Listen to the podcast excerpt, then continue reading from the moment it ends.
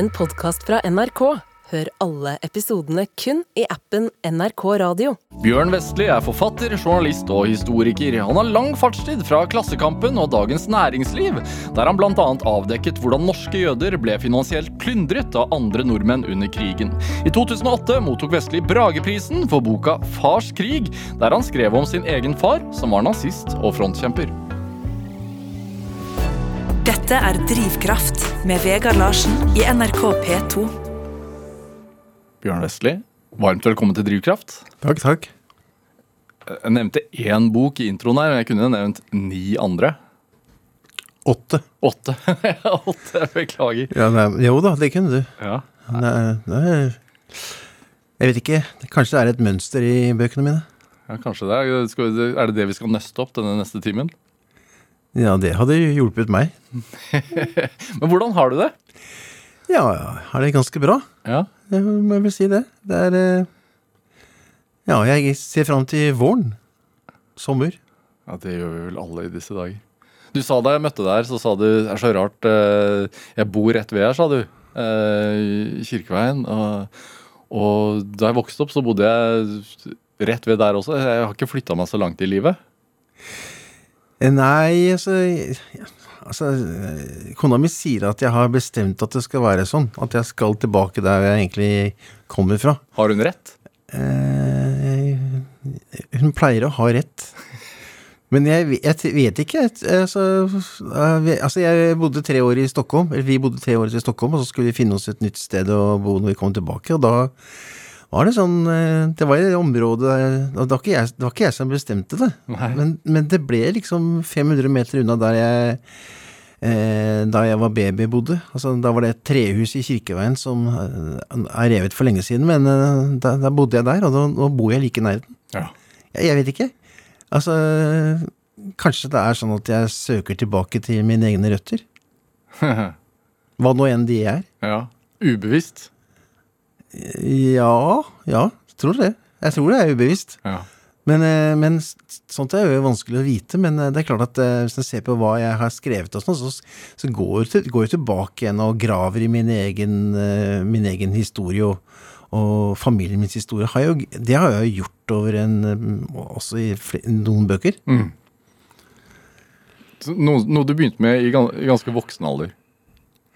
Jeg har begynt i ganske voksen alder. Ja. Først så var det jo eh, Først så skrev jeg med en, en bok om arvegen og genhygiene. Ja. Eh, det var vel den første, eh, første boka som jeg skrev alene. Så Hvorfor det? ja, jeg tror kanskje at det henger litt sammen med det som eh, det som på en måte har vært en kjerne i veldig mye av det jeg har vært opptatt av, nemlig det Altså, fra jeg var, eh, fra jeg var liten gutt, så har jeg vært opptatt av å ta avstand fra eh, faren min, som var nazist. Ja. Altså, jeg har vært Kampen mot nazisme og jødehat er egentlig vært drivkraften i veldig mye av det jeg har gjort. Ja. Det fant jeg ut når jeg skulle komme hit. Ja, Du sa det før vi gikk inn her, så sa du Jeg satte meg ned Hva var det? Når, I går? Foregårs? Og, og, og så på din egen CV? Ja, ja, men jeg hadde nok tenkt på det helt fra jeg skjønte at jeg skulle hit. da Ja. At, eh, at jeg måtte ja, det, det, det ble nærmest påkrevd å finne et svar. ja.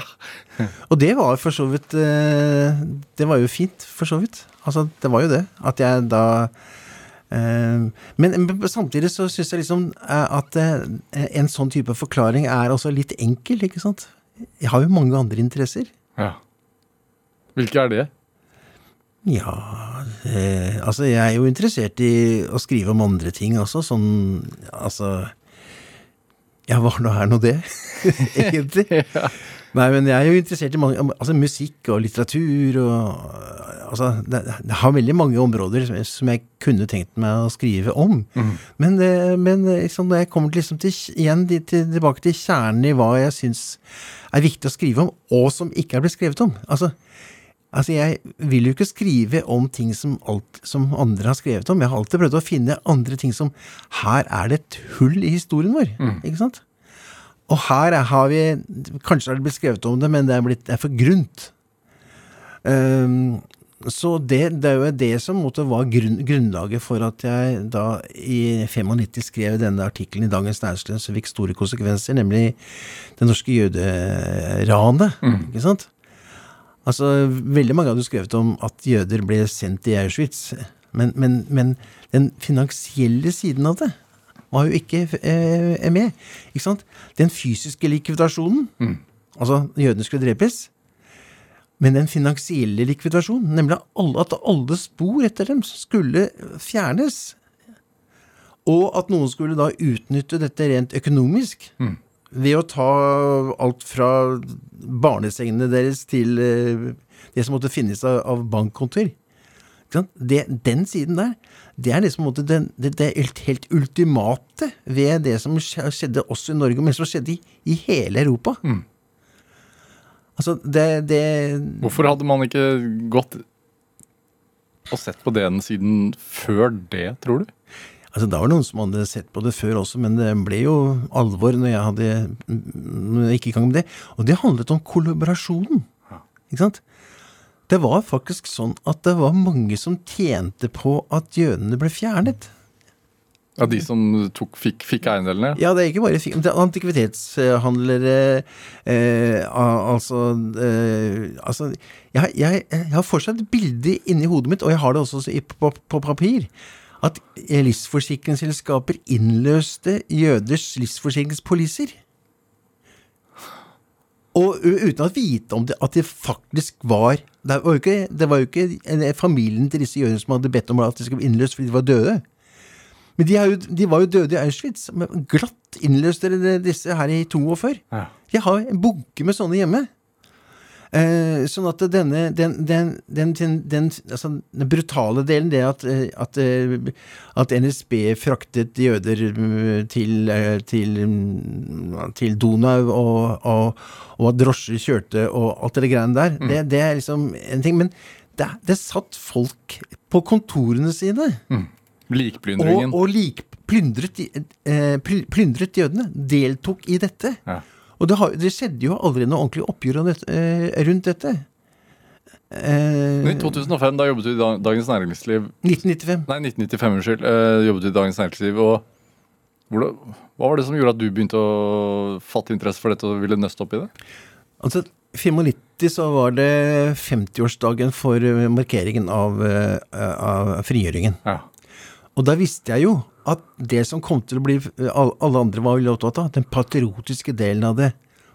Altså den, den, den hvor, hvor, hvor bra det, det var at vi, vi ble frigjort og sånt, alt de der, Og alle heltenes Det var heltenes Heltene som da jeg trodde da skulle komme til å komme fram. Og det var det jo for så vidt. Så da tenkte jeg at jeg måtte jo finne på noe annet. Det er kjempekjedelig. Og dessuten så jobbet jeg jo i en, en, en, en, næringslivsavis, og da var det jo lurt å se på penger. ja, det selvfølgelig. Og, og, da, da, og da, da var det, og da eh, Da hadde jeg jo allerede allerede rota litt rundt på Riksarkivet. Ja. Eh, og jeg, og jeg, fikk, jeg visste da om at det er noe som heter eh, eh, likvidasjonskontoret for, eh, altså for, for Som var ikke likvidasjon i fysisk forstand, men økonomisk forstand. Og da kunne jeg jo da, og da ved en feiltagelse, så ga Riksarkivet meg inn- innsynet i. For på det tidspunktet så hadde jeg ikke Jeg hadde, jeg hadde jeg studert historie og sånn, men jeg hadde ikke nok eh, eh, akademiske eh, eh, papirer til egentlig å få tilgang til dette. Men jeg fikk jo det. Og da var det da plukket ut tre familier som kunne være eksempler på hva jeg nå øh, snakker om, nemlig om hva var det som skjedde med deres eiendeler. Og da, da ble det, kom det frem et veldig lite hyggelig eh, bilde. Som da heldigvis øh, øh, en Høyre-politiker på, på Stortinget grep fatt i. Ellers så hadde jeg bare antagelig bare glidd bort, og det var liksom Det ble ikke så mye oppmerksomhet, men eh, etter hvert så Tenkte du at dette her kommer til å bli et jordskjelv? eh, Nei. Nei. Men eh, Men eh, Men Og jeg Altså, jeg kjente én jøde. Og som jeg kontaktet og sa at eh, Og jeg visste at eh, kona hans hadde noe, en eller annen posisjon i i det jødiske samfunnet i Oslo. Så jeg sa til han nå kommer det noen ting som jeg, du skal være forberedt på. Hva visste man om dette i det norske samfunnet fra før? Før det? Jeg, Sånn i offentlighet? jeg vet ikke, egentlig. Altså, Det er et godt spørsmål. Eh, Det, jeg gjorde meg ingen eh, Jeg gjorde ikke noe undersøkelse på det. Jeg bare fant ut at her var det Her var det en, eh, en litt av en historie. Ja. Og det ble det jo virkelig. Og, og, Hva førte det til etter hvert? Det førte jo til at det ble opprettet, eh, opprettet en, en slags form for kommisjon, øh, om, uh, som jo eh, endte opp med at eh, En eh, splittelse, da. Men eh, Stortinget var jo Stortinget stemte jo til slutt enstemmig for at det var riktig å tilbakeføre eh, penger til den jødiske Til den norske jøder. Hva førte det til for deg, sånn rent sånn jeg holdt jo meg Ikke sant? Når den prosessen var i gang, Ja. så, så jeg skrev jo en del artikler, ikke sant? Men, men jeg var jo med i kulissene.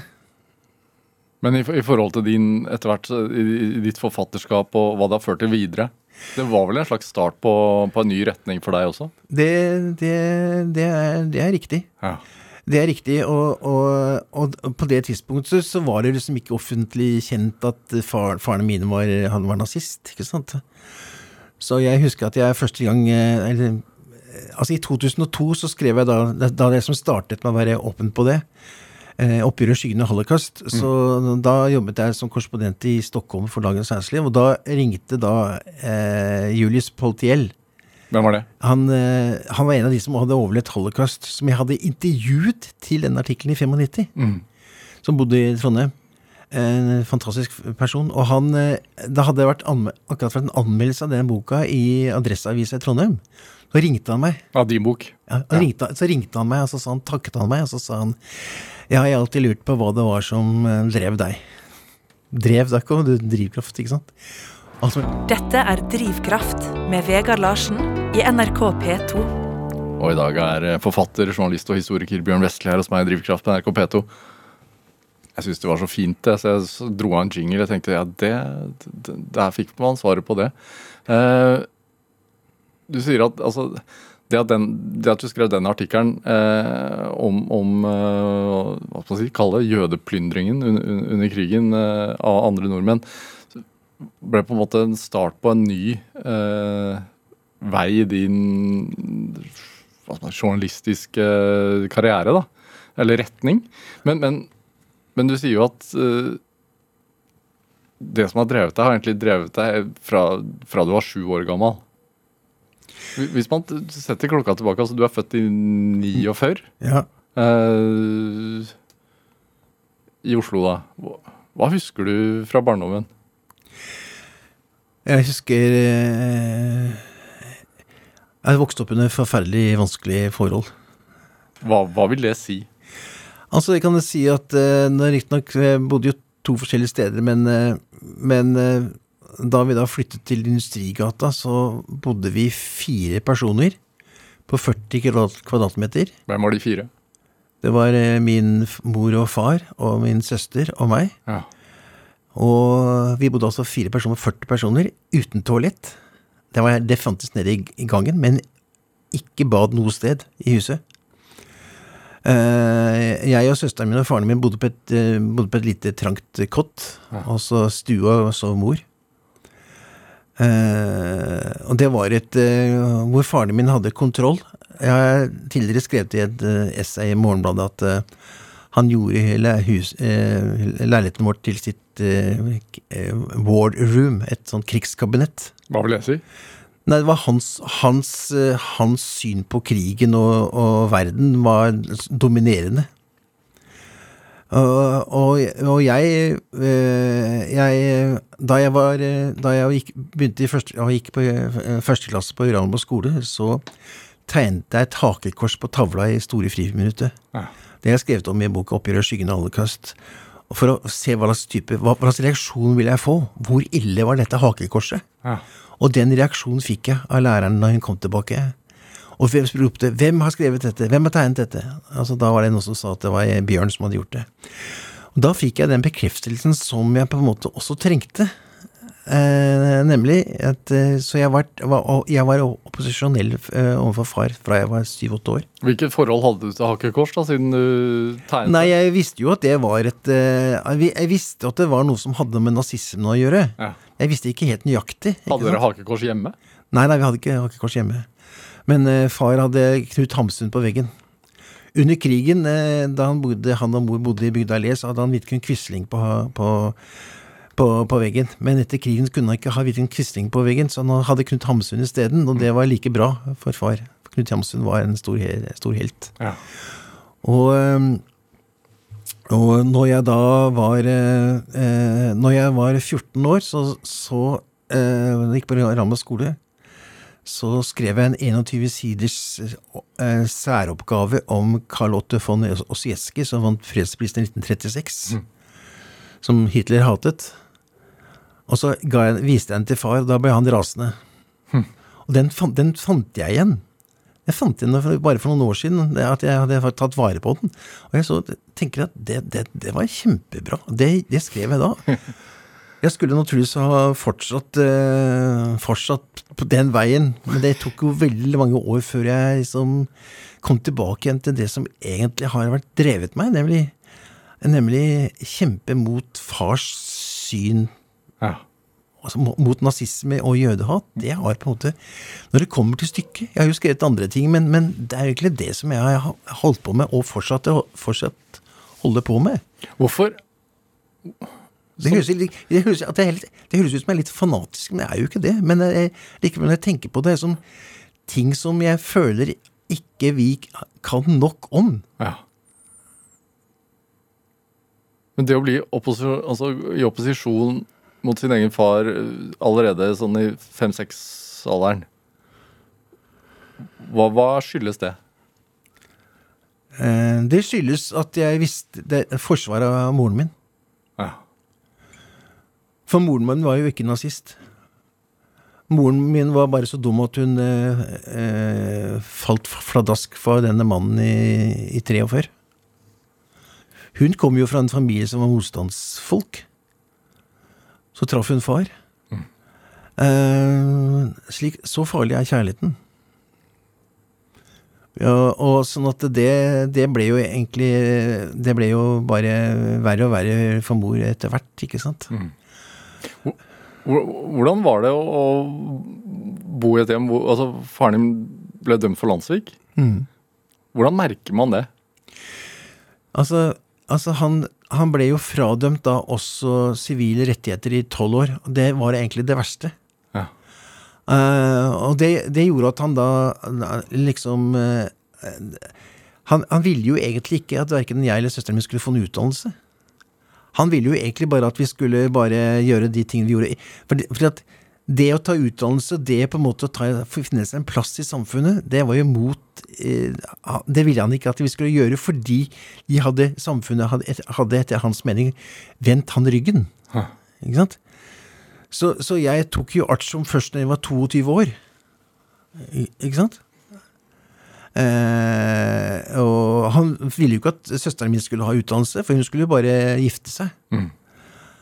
Så han var en eh, erkereaksjonær person også, ikke sant? samtidig som han var så bitter overfor samfunnet. Og han, det er der jeg sier at han, han tok jo hele sin familie inn i sitt eget krigs, vårt, inn i sitt krigskabinett. Han ville at vi skulle være med på hans eh, avstandstagen til samfunnet. I en bunker, på en måte? Nærmest en bunker, ikke sant? Ja. Eh, Så jeg rømte jo derifra når jeg var 17 år eller sånt. Når jeg kunne komme meg vekk, så klarte jeg det. Ja. Men, eh, men, eh, men ikke sant eh, eh, Sånn at det der med Vi fikk verken jeg eller søsteren Vi fikk ikke noen sånn derre ingen, ingen inspirasjon til å Eller ja, du må jo gå- videre, du må ta artium, du Ikke sant? Altså alle de tingene der. Ikke i hele tatt. Så jeg egentlig ble reddet av en, eh, en, en venn av meg som dessverre er død, Harald Egren Nissen. Eh, han hadde gått på Ringsaker folkehøgskole ett år, og så sa han til meg Vi var i band sammen. Jeg var sanger i et rockeband som han eh, var bassist i. Som har vært på forsiden av A-magasinet en gang i tiden. det var på, ja, forsiden av A-magasinet. Ja. Veldig fint. Så eh, det var, det var nesten en avsporing. Jeg kan, jeg kan vel ikke si at akkurat rocke, rockesiden ved meg har vært min drivkraft i livet. Det har det ikke vært. Jo, men, så, men poenget var at han sa at du, bli med på Ringsaker folkehøgskole. Der er en journalistlinje. Ja. Og så kom jeg dit, og så Det gikk jo kjempefint. Og så var det sånn ja, var det, var en form for test eller sånt, og da sa de til meg at du bør ta artium. Så da jeg dro jeg hjem, så tok jeg artium på ett år om kvelden mens jeg jobba i bokimportfirma, og så begynte jeg å studere. Hva er grunnen til at du ikke ble si, påvirket av din fars meninger fra barna? Det var jo fordi det Altså, jeg leste meg opp på hva Hitler-Tyskland var. Ja. Eh, en mann som var så slem mot moren min, kunne jo ikke være bra. Kunne heller ikke holdningen hans være bra. Han hadde jo et skrin foran seg som han hadde pipene sine sånn i, i hjemme i dette bitte lille stua vår. Eh, det skrinet fortalte han var, var fra Russland. Det var det skrinet jeg brukte og ta, tok, etter at han var død. Det skrinet tok jeg med meg.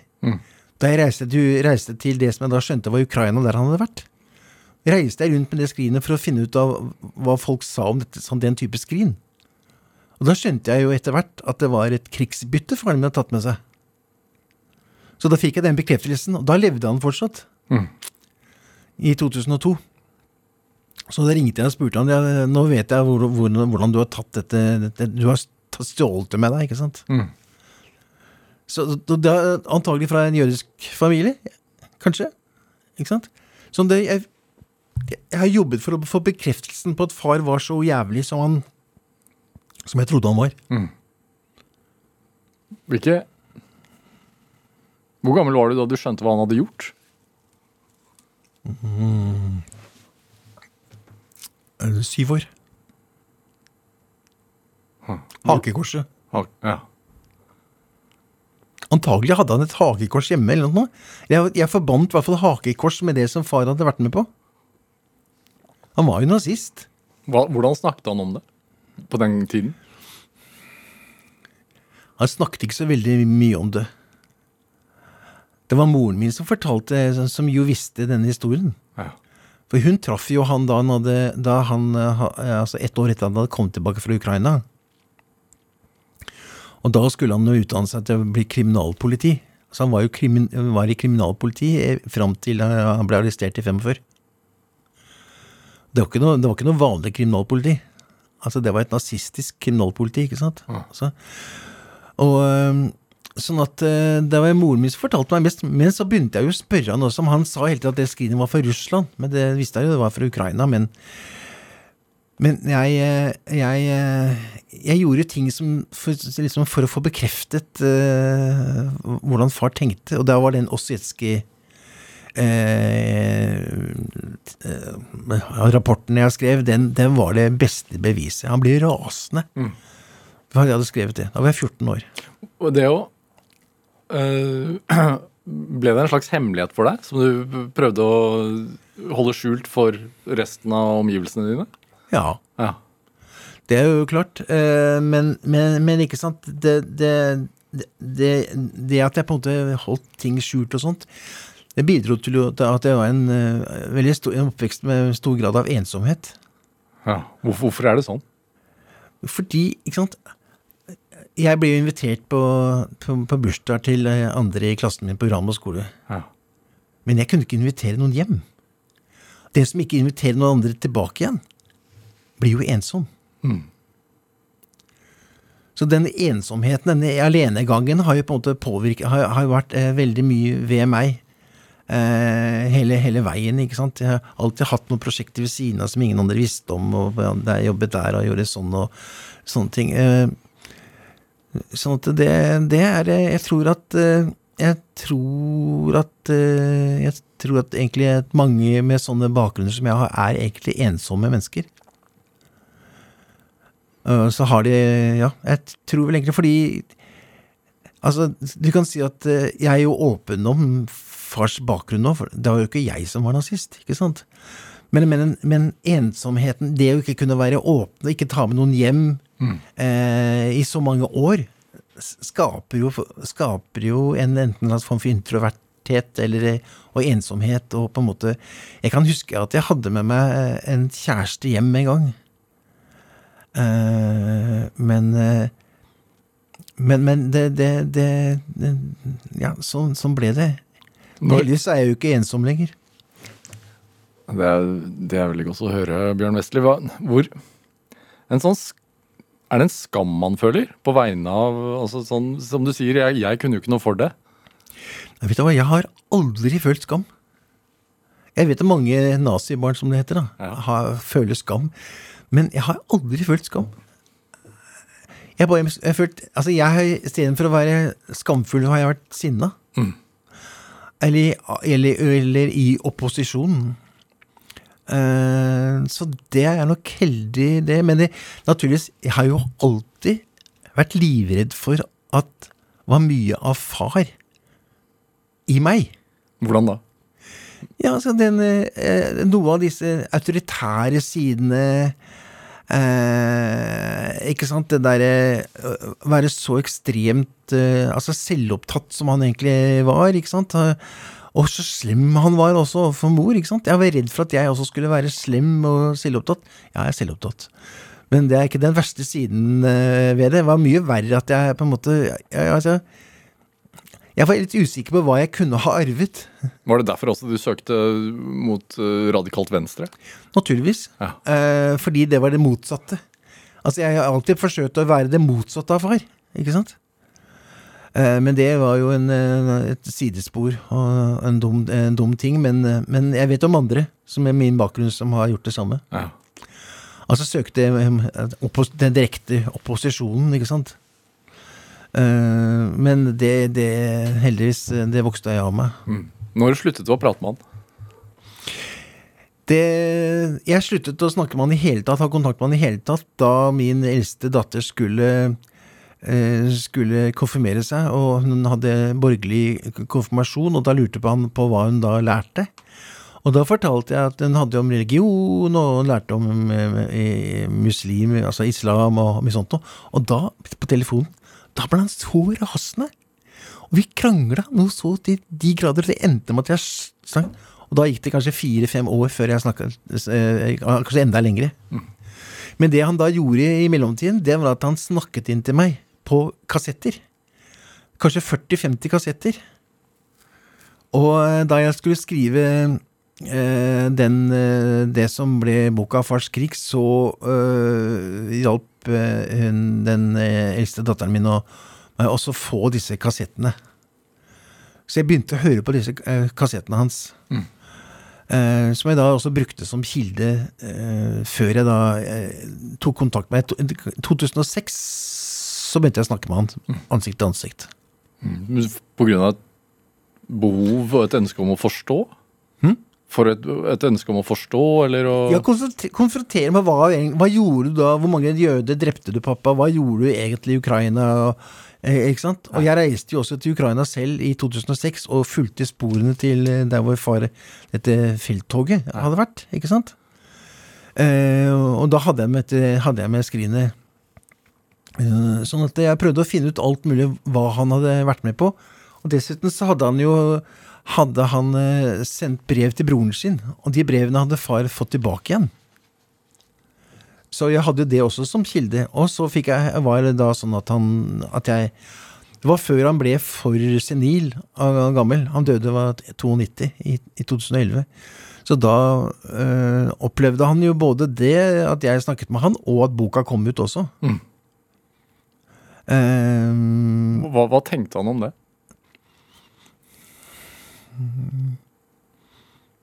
Jeg tror at han øh, Han ville at, skulle, at vi skulle snakke sammen. Så hvis, hvis, hvis, hvis, hvis det skulle bli bok ut av det øh, Vel, vel, det viktigste for han var at, vi to snakket sammen. Mm. Men øh, jeg leste jo opp hvert kapittel for han. og han gråt jo, hver, gråt jo etter hver, hver opplysning. Hvorfor det, tror du? Nei, for jeg, jeg, han var trist. Han var lei seg. og Han var trist og lei seg for eh, ja, Antagelig for eh, hvordan livet hans allikevel ble. Ikke sant? Hvordan ble det?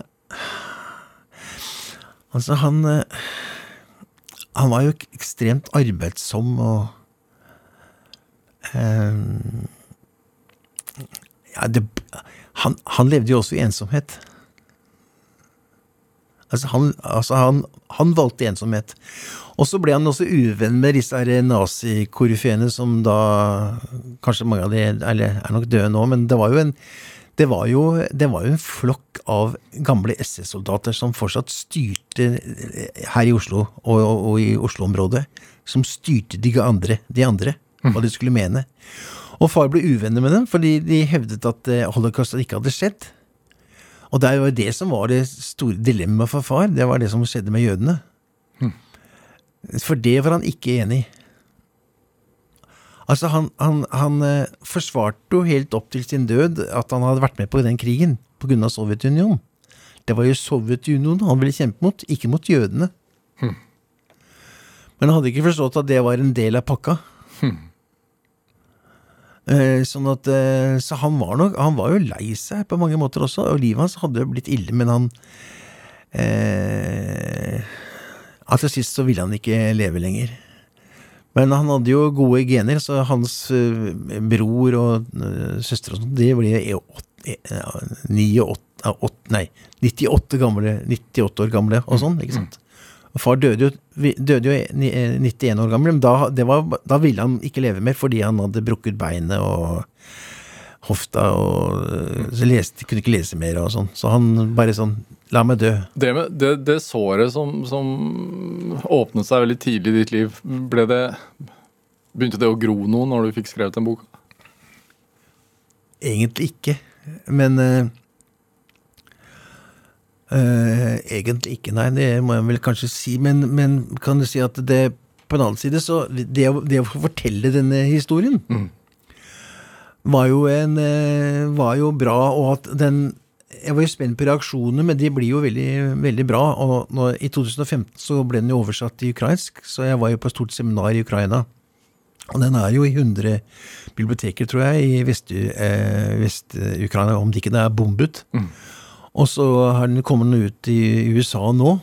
Sånn at eh, Så, så de har jo skrevet en, en, en, en bok som eh, Som kan være viktig, viktig. Og i Ukraina så var den viktig. Det var et, dette jødiske forlaget som ga den ut, ga den jo ut nettopp fordi at at de prøvde å, og mente at det var nødvendig med en slags form for forsoning mellom eh, generasjonene i Ukraina rundt dette spørsmålet.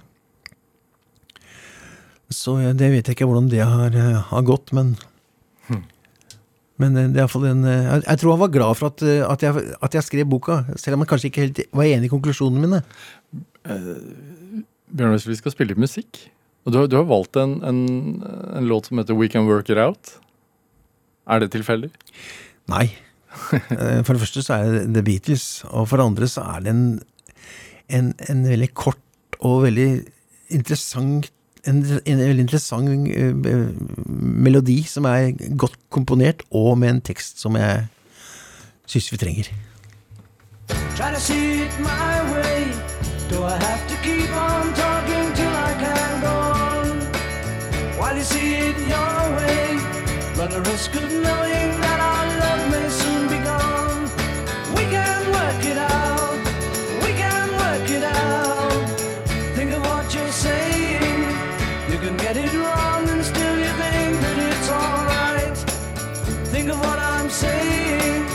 We can work it out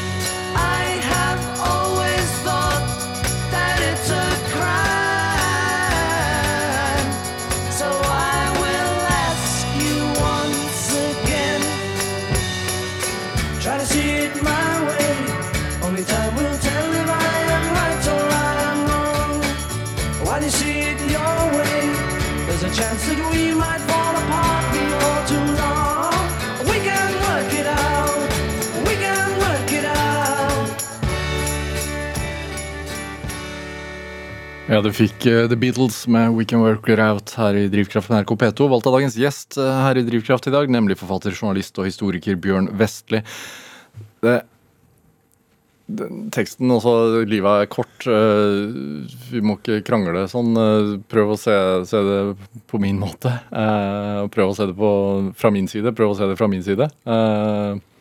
Prøvde Var det et ønske fra faren din om at Hør nå her, gutten min, du må se det litt fra min side?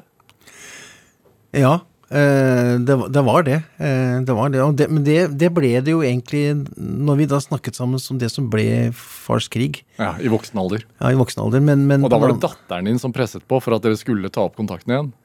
Ja, den yngste datteren min. Ja. Ja. Nei, ikke, ikke den yngste, nå er det en, som er yngre, men den, den eldste datteren min. ja. som den gangen eh, eh, jeg gjorde det. Men det var også andre. Det var Rune Ottosen, som var, var en venn av meg gjennom mange, mange år. eh, som eh, jo også sa det at du må jo snakke med han før det er for sent. Fordi at de forsto at du trengte det, eller? Ja, antagelig, fordi de må jo ment at jeg, at jeg trengte det. Ja. Og det, det var jo helt riktig, så jeg ble jo da overbevist om at jeg måtte ta, ta kontakt med han. Eh, eh, Men det var Det satt langt inne. Det satt veldig langt inne. Fordi jeg tenkte hele tiden på, på hvordan han hadde vært mot moren min. Eh, også hun som døde da i sånt eh, ensomhet og eh, tristesse det hele, og alkoholisme og ja, alt. Eh, jeg, nå har jeg samlet inn alt materialet om henne, om alle, alle hennes psykiatriske mm, øh, altså rapporter og sånne ting, som har et svært eh, materiale, materiale. Men det er liksom mer for min egen del, for å se hvor ille det var. Eh, det er jo Det er jo far sin skyld, rett og slett. Men det må jeg vel bare si. Naturligvis var det jo Hun skjønte etter hvert at det, hvilken uh, vanvittig tabbe det var å gifte seg med denne mannen. Um, sånn at uh, Det må man kunne si. Men det er klart at jeg hadde også en, voldsom bitterhet overfor far. Uh, og etter hvert jeg skjønte, skjønte hva det kunne ha blitt av meg Det er litt rart å si det, men, men, men altså, hvordan måtte veldig mye av ungdomslivet mitt ble ganske sånn ødelagt. Jeg kom seint i gang med ting som jeg egentlig ville gjøre. ikke sant? Det endte jo opp med at jeg først av en alder av 68 år hadde tok en doktorgrad i historie. Jeg burde naturligvis gjort det mye tidligere. På en annen side, da hadde jeg kanskje hatt et kjedeligere liv. Blitt Sitte på et annet fakultet, i et fakultet og vært professor i historie. Eh, Liksom I noe som jeg, jeg, jeg kanskje hadde fått lov til å skrive om krigen, jeg vet ikke. Eh, Men, men, men, men eh, det kan si at eh, det, det En sånn sett i ettertid, så vil det vil kanskje være rart å si at det har gått dårlig med meg. Det kan, er jo ikke mulig å si det.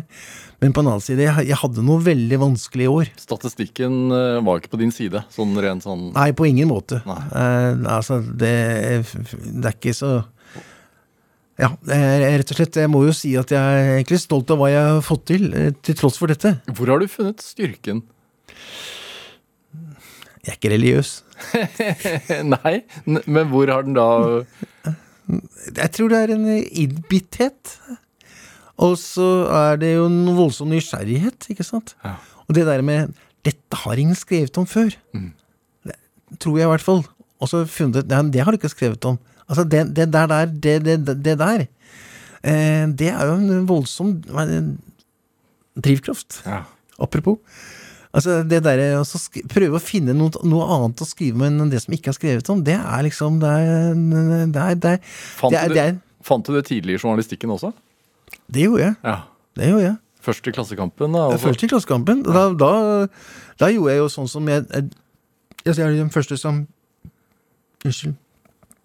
Jeg dro av gårde med en fotograf til der hvor de såkalte taterne bodde. Norsk misjon mot hjemløse, som hadde, hadde fått eh, det- si, makten over alle fått lov av staten og sosialdemokratiet til å til liksom skulle behandle tatere og gjøre dem til norske. Dette er ordentlig, ikke sant? Det skrev jeg da om i Det er kjempelenge siden. ikke sant? Også i Kamp mot urett, da. Ja, Kamp mot urett, ikke sant? Veldig urett. Og, og, og jeg har vært veldig opptatt av hele veien har jeg vært opptatt av hvordan minoriteter er blitt behandlet i Norge. Ja.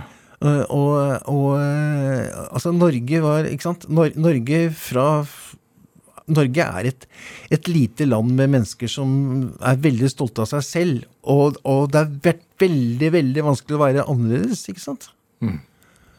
Tenk på hvordan de har behandlet samene. Det helt langt på 70-tallet. de ble, ble samer tvunget til å lære norsk. Og ble stengt inne på internat. Altså, dette er vår, dette er vår, nære, dette er vår nære historie, ikke sant? Har du følt det annerledes? Godt spørsmål. Eh, nei, jeg følte meg alene. Ikke, ikke, ikke, ikke liksom Altså, jeg, jeg, ville jo ikke ha det, altså, det har jo vært, jeg finnes jo en organisasjon for nazibarn, ikke sant? Men de er jo klin gærne. Altså, jeg har skrevet om det i boka 'Oppgjør i skyggen av holocaust'. I 2002 så skrev jeg en kapittel om, det. Men, men jeg hadde, ikke altså, jeg, jeg kunne ikke ha noe Altså, jeg kunne ikke være venner med dem. Altså, det Rune Ottosen han har vært min venn gjennom alle disse årene. Og faren hans var jo Christian Ottosen. Krigshelt og, og så videre. Og um, så det første jeg sa at når jeg traff Rune, så det var jeg fortalte at eh, faren min var nazist. ikke sant? Og da ble det også da fortalt til familien hans, og det er den beste mottakelse i, i verden. ikke sant? Men, Hvordan, jeg- jeg hvordan, da? noen- hvordan da? Hvordan ble du mottatt? Nei, det, det var en eh, forståelse for min situasjon, så de, sant, og Rune De forsto jo at jeg ikke akkurat var noen eh, eh, et nazibarn i ordets rette forstand. Altså, jeg var det stikk motsatte, ikke sant? Jeg ville ikke være noe nazibarn. Eh, sånn at det ble jo veldig godt mottatt. Ja, men ikke sant, den derre den, den derre den, det, det der å skulle søke liksom Det er veldig mange nazibarn som har vært ensomme. Det vet jeg. Jeg har jo møtt mange av dem. Er det, du tenker Når du, du gikk inn i din fars historie, og, og Fikk du noe inntrykk av og noen forståelse av hvordan den type ekstreme holdninger oppstår? Dette er jo et eh, stort og vanskelig spørsmål.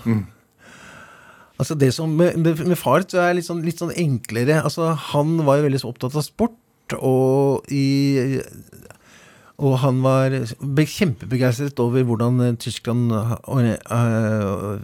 organiserte både vinter- og sommerolympiaden i 1936.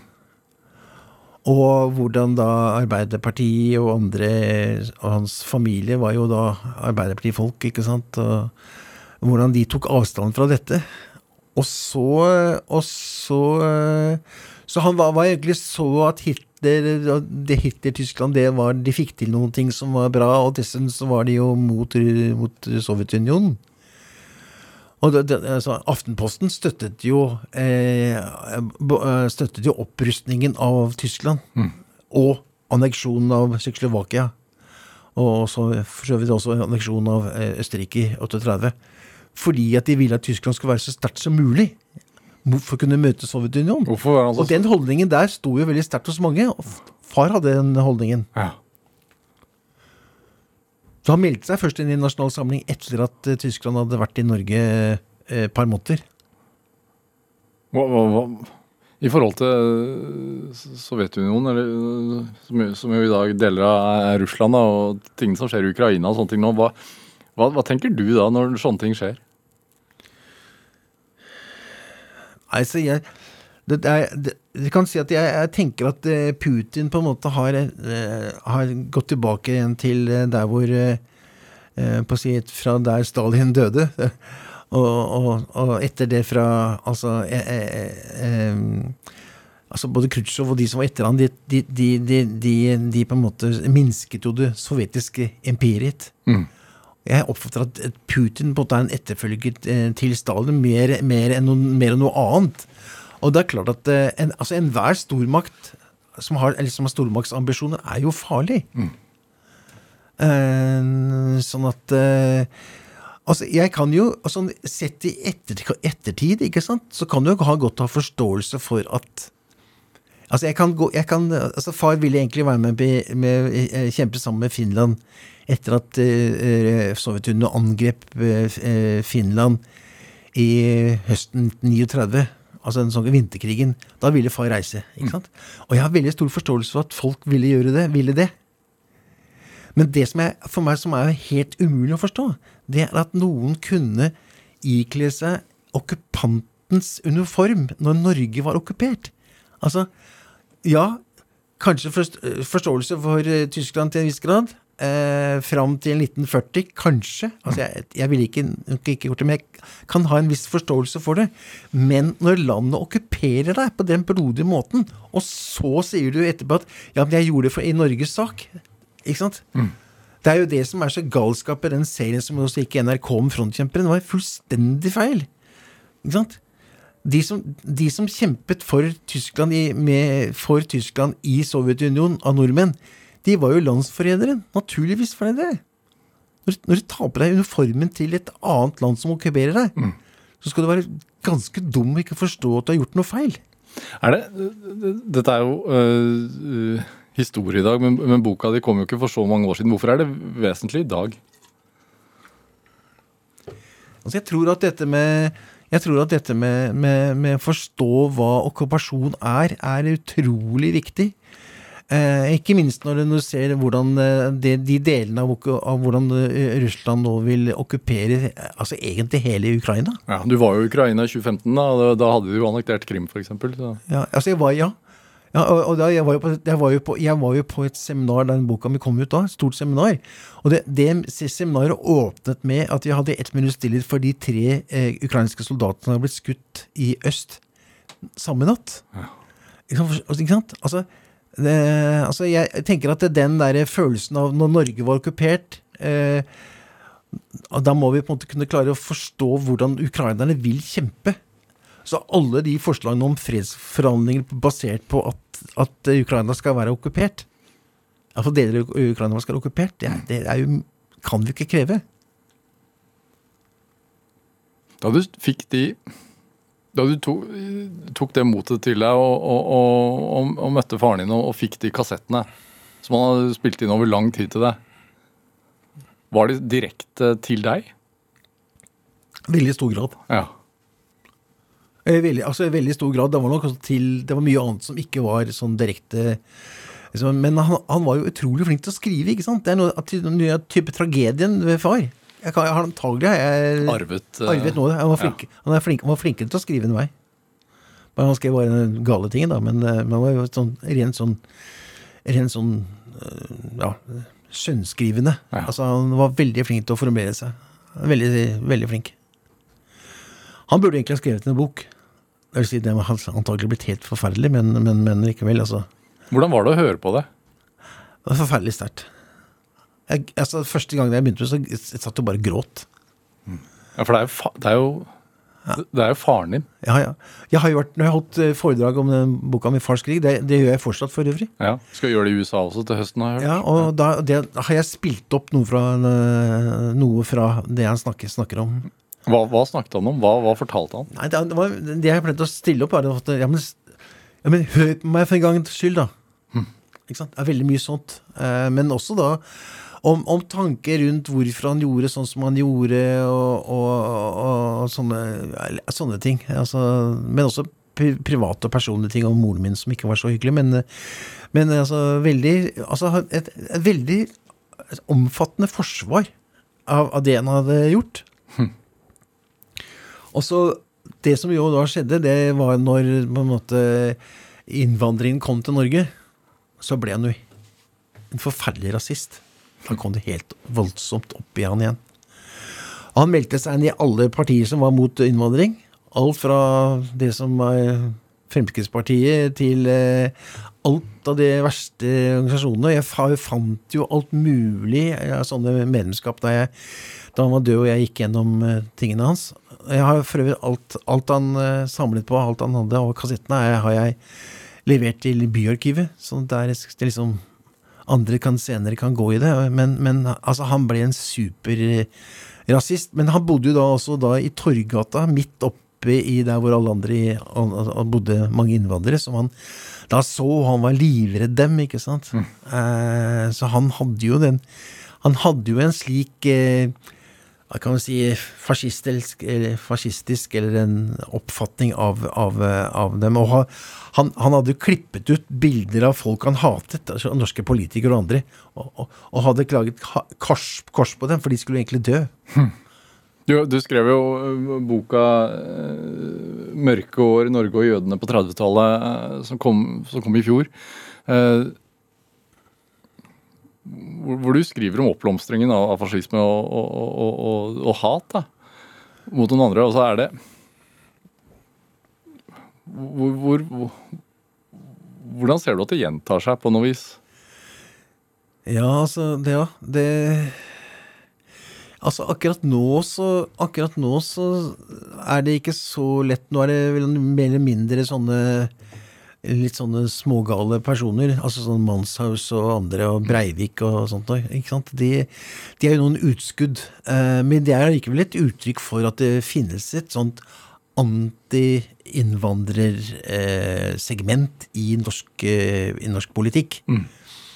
Og, og det, er et, det er på en måte en videreføring av det som var på 30-tallet, og det som var før det også. ikke sant? Man har alltid vært mot jøder i Norge. eh, ulike, på ulike eh, Med ulike styrke. Men, men det, det ligger jo et sånt, og det er jo fordi vi altså I 35 så hadde vi vært altså Vi var jo, er jo et ungt samfunn. Vi fikk vår frihet i 1905. Altså, vi, vi er et, fortsatt et samfunn som er under er i, som, i bevegelse, og, og, og det er veldig mye det, det skal liksom veldig mye til for, for at Eller veldig lite til for at, at, at, noe, at, at, dette, dette kan veltes, er det noen som eh, opplever veldig sterkt. Eh, og det er klart at eh, når vi også nå har eh, gjenger basert på innvandrerungdom og sånn, og så, så skjerper jo det også veldig. ikke sant? Redselen for kriminalitet er jo stor, og det har jeg stor forståelse for. Men, men, men, men jeg, jeg, det, vi, vi, Norge er ikke for, enda et stabilt samfunn. Du har jo, uh, Bjørn Wesley, du har skrevet uh, ni bøker. Jeg vet at du jobber med en tiende, uten at vi skal gå i detalj på den. Men, altså, mye, mange av de uh, utspiller seg jo før og etter øh, andre verdenskrig. Hvor, hvor, hvorfor står du fast? Hvorfor er det så viktig for deg? Det er, altså, det, er, det, er, det er viktig Når jeg, når jeg, jeg Jeg føler fortsatt at det er mye usagt. Uskrevet. Altså, jeg føler at det fortsatt er ting som det kan være viktig å skrive om for å kunne lære av det. Altså, man, man kan jo naturligvis lure på om det er faktisk mulig å lære noe i hele tatt av, av, av, av, historie. Ja. Eh, Ikke sant? Altså, det er ve veldig vanskelig det er, det er, det ikke sant? Og historie kan jo misbrukes hele veien. ikke sant? Når, når, når Putin kaller eh, jøder i, i jøder i Ukraina for nazister. Altså, Zelenskyj er jo jøde. ikke sant? Altså, hvordan, at Misbruket av hi historie er altså så stort. Så, og, og da tenker jeg at eh, jeg syns det, det er viktig å forsøke å, å fortelle hva som er fakta. Altså, Jeg er veldig faktaorientert. Hvor nøysomt jobber du? Altså, Jeg tok jo doktorgrad i historie for å kunne bli enda flinkere med fotnoter. Men jeg vil ikke skrive Jeg vil ikke være akademiker. Nei. Og, og, altså, ikke sant? Jeg tok det hele pakka for å lære å skrive fotnoter. Den siste boka mi så hadde jeg 669 fotnoter. Altså, jeg elsker fotnoter. Hvorfor gjør du det? Fordi det er fakta. Det er fakta. Jeg kan gå tilbake, kontrollere. Hvor, hvor, er, hvor kommer dette fra? Hvor kommer det fra? Eh, ikke sant? Det, altså, det er vi, vi, Hvis, hvis jeg, jeg tror faktisk at vi, kunnskap om historie og altså alt, egentlig kunnskap er det viktigste av alt. Og da må du kunne være sikker på at det, det som står skrevet noe sted, er riktig, baserer seg på noe. Slik at man kan gå tilbake igjen til ja, hva var det sto noe egentlig i denne fotnoten der? Hvor kommer det fra? Ikke sant?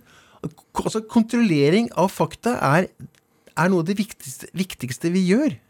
Eh, ellers så blir det bare, tull, blir det bare tullball.